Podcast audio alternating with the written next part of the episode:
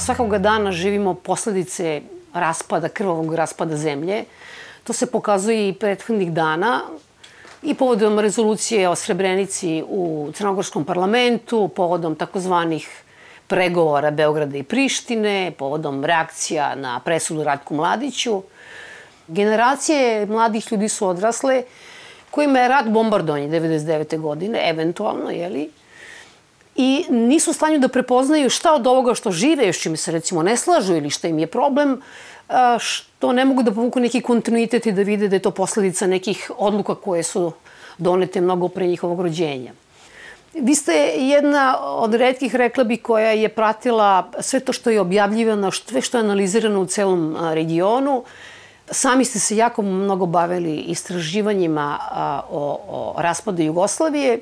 Do kakve ste vi na kraju krajeva zaključka došli, Latinka? Da li je to bilo neizbežno? Da li je bilo neizbežno baš tako?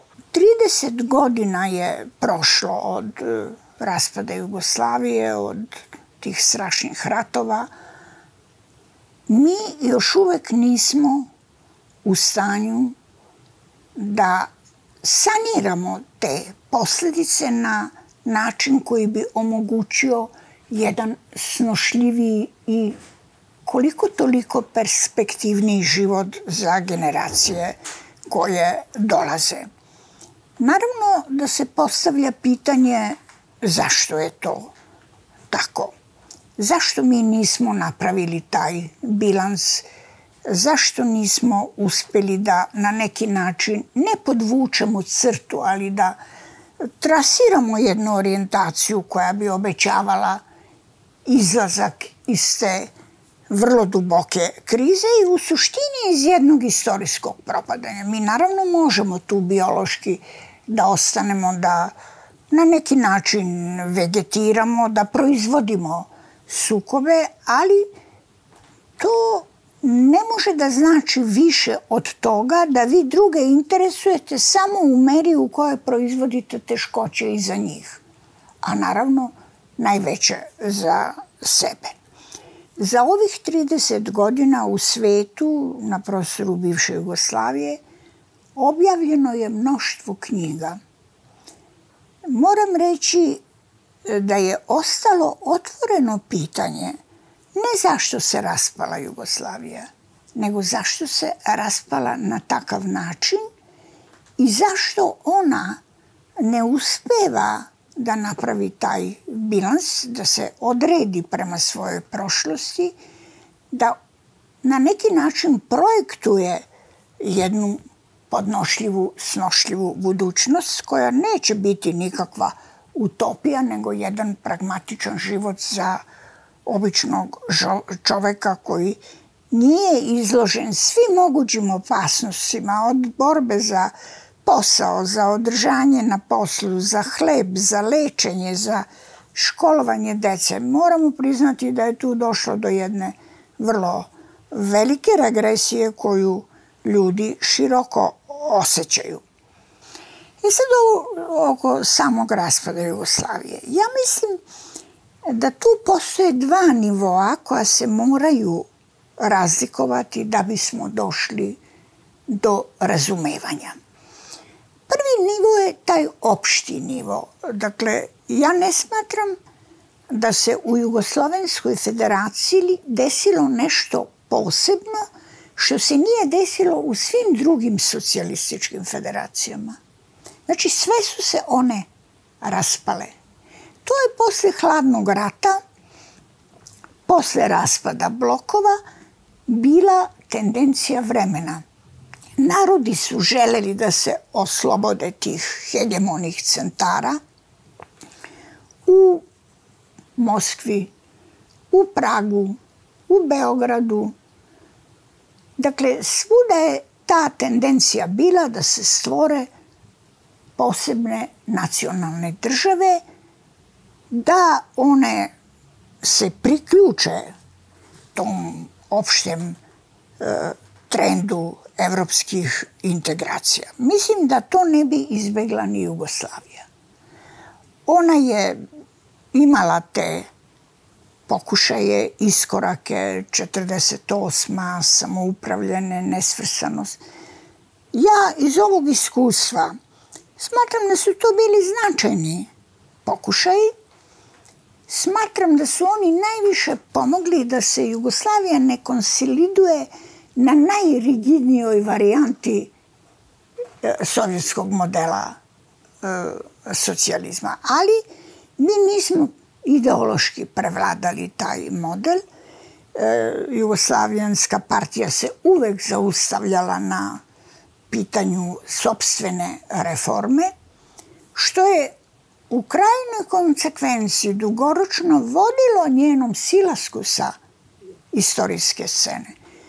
Naravno da je ona kao piramidalno organizovana organizacija na principu demokratskog centralizma na vrhu imala e, Tita koji je bio harizmatičan, ali koji je, kako da kažem, i biološki i istorijski stario i nije mogao više da predstavlja odgovor na, na nove izazove, ali je blokirao promene i što je najstrašnije, pravio je te zaokrete unazad. Tako da je osujećivao pojavu novih ideja, novih ljudi, konkurencije mišljenja u samoj partiji, pa ako hoćete i tu decentralizaciju države. Dakle, ja smatram da je taj raspad Jugoslavije kao federacije e, bio neizbežan. On je prosto bio potreba vremena, to jest jedna imperialnost manja ili veća, ne kao sovjetska, ali su se svi ovi drugi narodi osjećali na neki način prikraćeni, podređeni. Dakle, to je bilo neizbežno. Način je ono što je specifično. Zašto je za razliku čak od Sovjetskog saveza, za razliku od Čehoslovačke, u Jugoslaviji došlo do tako teških unutrašnjih sukoba i došlo do takvih tragičnih posledica od kojih mi još uvek ne možemo da se oporavimo. S tim je jako povezana interpretacija načina na koji se Jugoslavija raspadala. Vi imate Sovjetski savez koji je bio imperija posle čijeg raspada je u tim novim nacionalnim državama ostalo 27 miliona Rusa. Rusi su veliki narod i velika država i zbog toga nisu nikakav unutrašnji rat vodili. Bilo je sukoba, ali takvih razmera nije bilo. Česi su se rastali uz šampanjac. Mi smo se rastali uz e, vrlo teške e, sukobe koji, po mome mišljenju, latentno još uvek traju. Jer te politike koje su proizvele sukobe i dovele do takvih e, posledica nisu svuda prekinute. Zašto je došlo do takvih sukoba?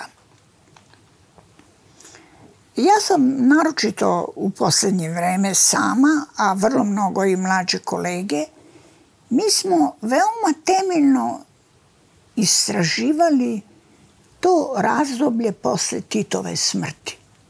Znači, posle 80. godina. Tu nastaje jedan vakum. To je bio jedan autokratski tip vladavine koji je imao svoje istorijsko utemeljenje, imao je e, svoje osnaženje, ako mogu da kažem, tom antifašističkom borbom, suprostavljanjem Stalinu, koje je takođe bilo na pitanju nezavisnosti, jer mi bitno nismo promenili sistem, mi smo se trudili da budemo različiti, to je ohrabrivalo i e, naše prijatelje u svetu, ali mi nismo izišli iz tog modela, iz te političke matrice. Dakle, taj vakum koji nastaje posle Titove smrti pokazuje više stvari. Prvo pokazuje da su mnoge protivrečnosti bile prikrivene. O njima se nije govorilo, jedinstvo je bilo a priorno zadato u partiji pre svega, a onda naravno u državi. To se vrlo mnogo osvetilo posle Titove smrti, koji je u tim latentnim e, protivrečnostima imao dvostruku ulogu. On ih je često i podsticao. I to je ono što je derogiralo rad jugoslovenskih tela. Sastanu se dve republike, svaka dobije za pravo, imaju različite pozicije, iziđu u stanovište za publiku, to je gotov i otvoren sukob. Jel? A onda je, razume se, na neki način on kao oličenje partije arbitrirao. Dakle, to je već e, stvaralo jedan teren za stavljanje na dnevni red svih tih odlaganih pitanja od, naravno, konstitucije federacije do e, decentralizacije, demokratizacije i tako dalje. Druga činjenica je, koja je vrlo karakteristična za 80. godine, to je taj veoma tvrdokorni dogmatizam tadašnjeg partijskog i državnog centra. Dakle, kad vi sada čitate e, te izvore, sastanke, scenografske beleške, vi vidite da zapravo iz straha šta će biti bez Tita, ni o čemu ne sme da se raspravlja. Jer ako počne rasprava, pokađat će se različiti interesi i različite tendencije i nikad niste sigurni gde će se to zaustaviti. Tako da se vi u stvari braneći to pretpostavljano jedinstvo partije i države u stvari fermentirali raspad i partije i države. To je u jednom trenutku postalo neodrživo. I kad vi kao savremenik, kao istoričar razmišljate, imate u vidu taj duh vremena, tu eksploziju koja se dogodila ovde u Srbiji polovinom 80. godina, 86. sa memorandum, 87. sa ovom osmom sed, sedmicom, onda se zaista pitate, pa dobro, šta je bila ta platforma jedinstva? I moram reći da ta istraživanja naša i moja lična pokazuju da su se vrlo rano profilisala dva koncepta. Jedan je bio slovenački koncept, koji je se zalagao za reforme partije, ekonomije, politike, ali i federacije, federalnog vrha, oni su zaista tražili samostalnost do odcepljenja pod pretpostavkom da im jedino to u ovako rigidnom dogmatskom jugoslovenskom vrhu može dati okvir za unutrašnje promene. I oni su to u tom periodu napravili. I imali se srpski projekt koji je e, napravio jedan neverovatan konsenzus. Ja mislim da u našoj istoriji nikad takav nije postojao o preoblikovanju Jugoslavije, o u suštini hegemonom položaju u Jugoslaviji, ako to ne uspe u zaokruživanju etničkog prostora srpskog naroda, bez obzira na činjenicu što pripadnici srpskog naroda žive na teritorijama drugih republika koje nikad nisu bile u sastavu Srbije. To je stvorilo jednu neverovatnu tenziju i ako recimo pratite ovaj sukop slovenačkog i srpskog koncepta u jugoslovenskom vrhu, vi ćete videti da se to ni u jednoj perspektivi ne može sresti. Za mene je partijski vrh, a i državni u to vreme, svedočio o tome da duh kominterne nikad nije prevazišao. To je bio takav sistem pritiska koji je doveo do na kraju izbacivanja Slovenije iz, iz uh, Jugoslavije. Drugo, govorimo o tim činiocima koji su smatrani stubovima jedinstva. Drugi činilac je bila armija. E, ona je ostala bez individualnog vrhovnog komandanta. Dobila je kolektivnog vrhovnog komandanta. Naravno da su pretenzije vojnog vrha rasle. On se odnosio podcrnjivački prema civilnoj vlasti, ali to nije nastalo preko noći. Vojni vrh je zapravo i JNA bio sedma republika u Jugoslaviji. Sam Tito je govorio, znate, kad je e, iznosio naše velike sposobnosti da se branimo, on je rekao, pa Jugoslavijska narodna armija je treća po snazi u Evropi. I ona nema zadatak samo da zemlju brani od spoljnog neprijatelja. Njen zadatak je i da, bran, da interveniše u unutrašnjim sukovima. Pa ona je to radila, Ceco. I ako vi pratite te izvore, naročito prvog reda, vi ćete videti da su u stvari državni i partijski vrh zajedno sa armijom išli sve i sa Miloševićem sve do rata u Hrvatskoj. To je bila formula da se otrži kakva takva Jugoslavija, a kakva takva više nije bila održiva. Dakle, drugi činilac je armija i opet se oslamlja na ta istraživanja, ona pokazuju da su to bile otvorene pretnje, a da se onda naravno sa pretnji prešlo na provokacije, što je mogla da uradi vrlo raširena vojno-obaveštajna služba u svim republikama, do naravno upotrebe oružja najpre kratko u Sloveniji, a onda Hrvatska, Bosna i redom. I e, mislim da je to, da se to e, vrlo mnogo taj činilac gubi iz vida. I treće, to je m, taj prodor u suštini antizapadnjaštva.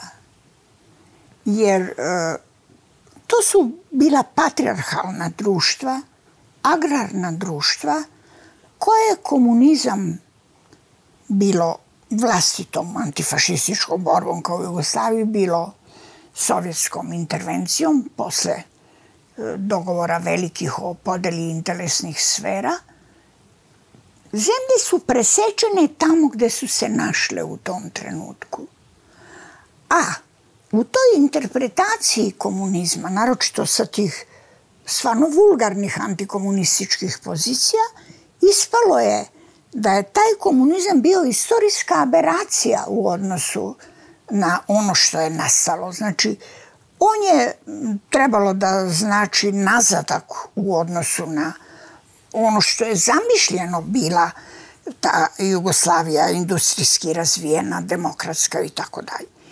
Mislim da je to bila jedna vrlo bitna činjenica za tu uh, simbiozu političkih i intelektualnih elita oko jedinstvenih nacionalnih programa koji su objektivno bili različiti. I vrlo je teško bilo očekivati da neko pristane na jednu reduciranu Jugoslaviju koja bi od republika učinila samo neke administrativne zajednice. Mislim da je ta politička revolucija do koje je došlo u Srbiji 70-ih, 80-ih godina, koja je na kraju bila artikulisana i u akademskim krugovima, to je imalo veliki autoritet, to se spojilo sa tim pokretom masa i ako vi gledate e, Jugoslaviji je u tom trenutku kao nasušni hleb bio potreban mir.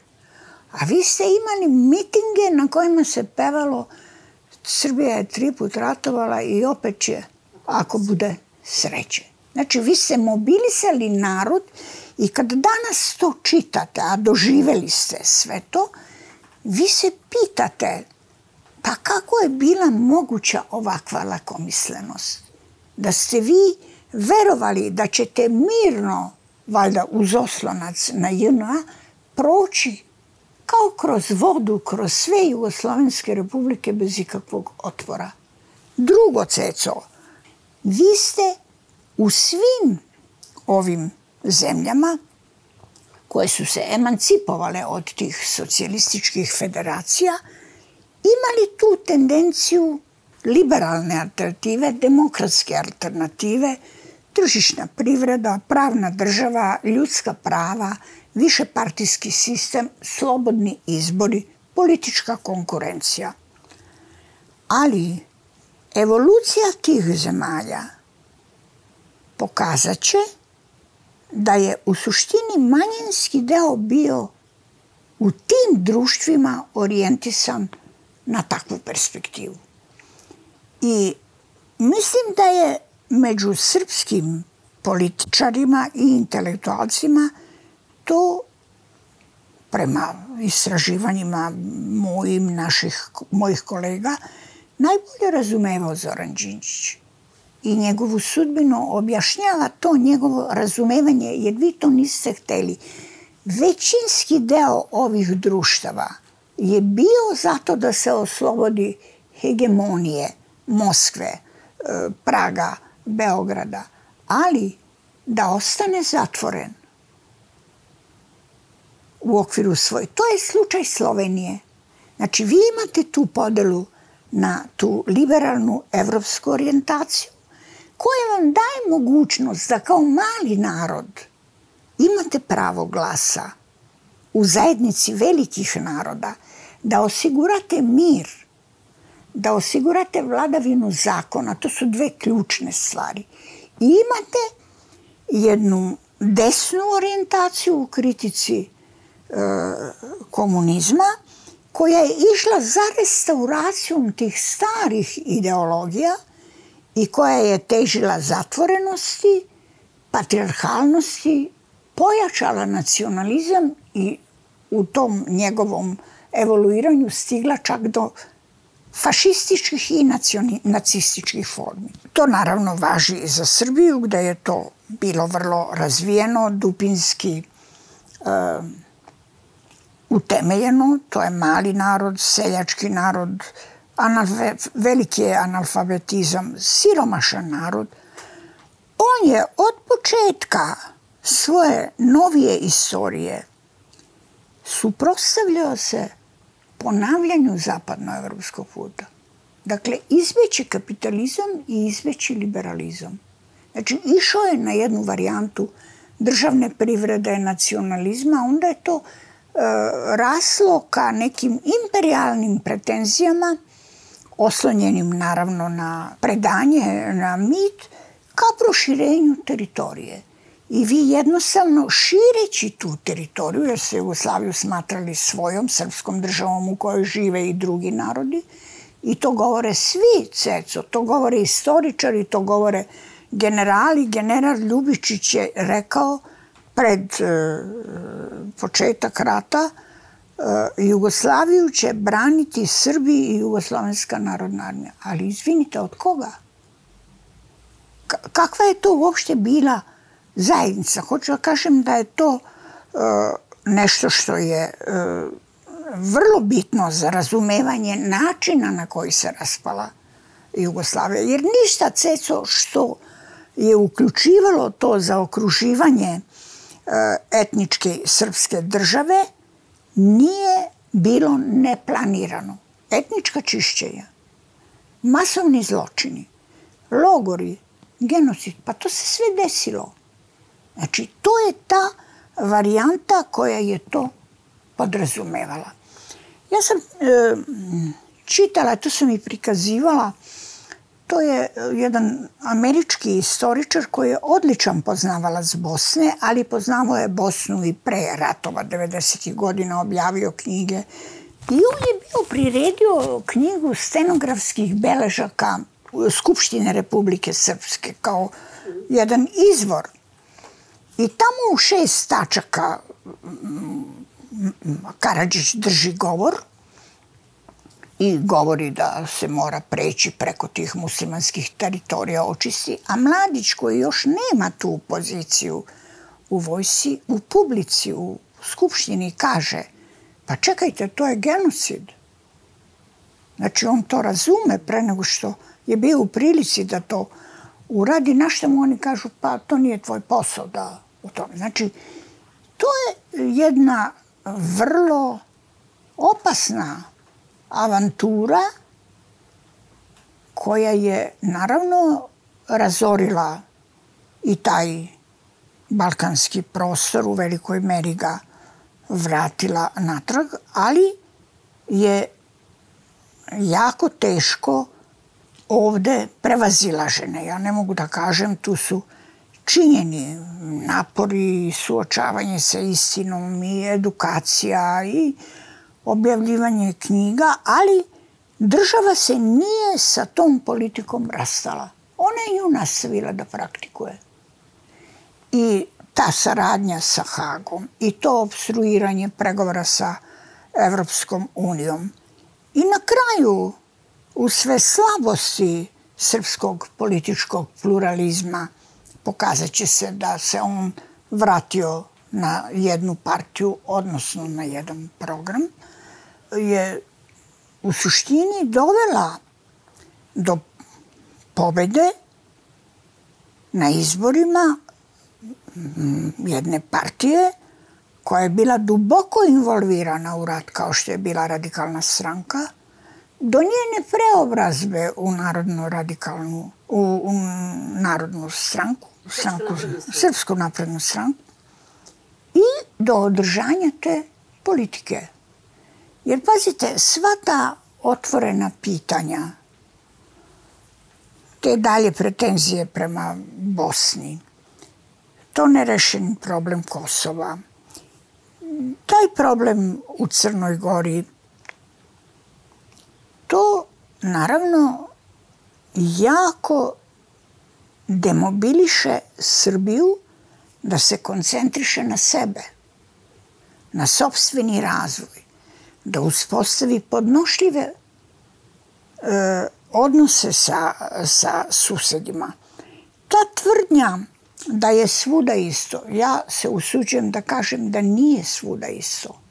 Svuda ipak dolazi do generacijske smene, svuda ta saradnja sa Evropom na neki način utiče na pravila ponašanja tih država i naravno vrlo mnogo utiče na priliv ogromnih sredstava iz Evrope u te, te zemlje.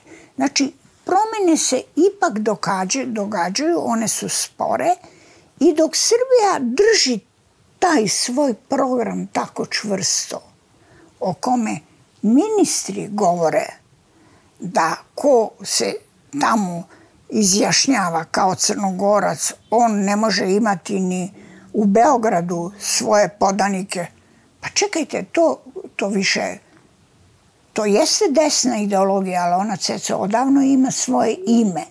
I s druge strane, Ceco, to a, nije to što govorio Adam Mišnik, komunizam i antikomunizam. Pa čekajte, tu su se promenile zastave, promenili su se simboli, promenili su se gesla, ali metodi su mnogi ostali isti. A to je to što on kaže jezgro autokratske diktature, u kojoj vi ne možete da mobilišete i podstaknete vlastite energije u društvu, nego ih naprotiv trošite.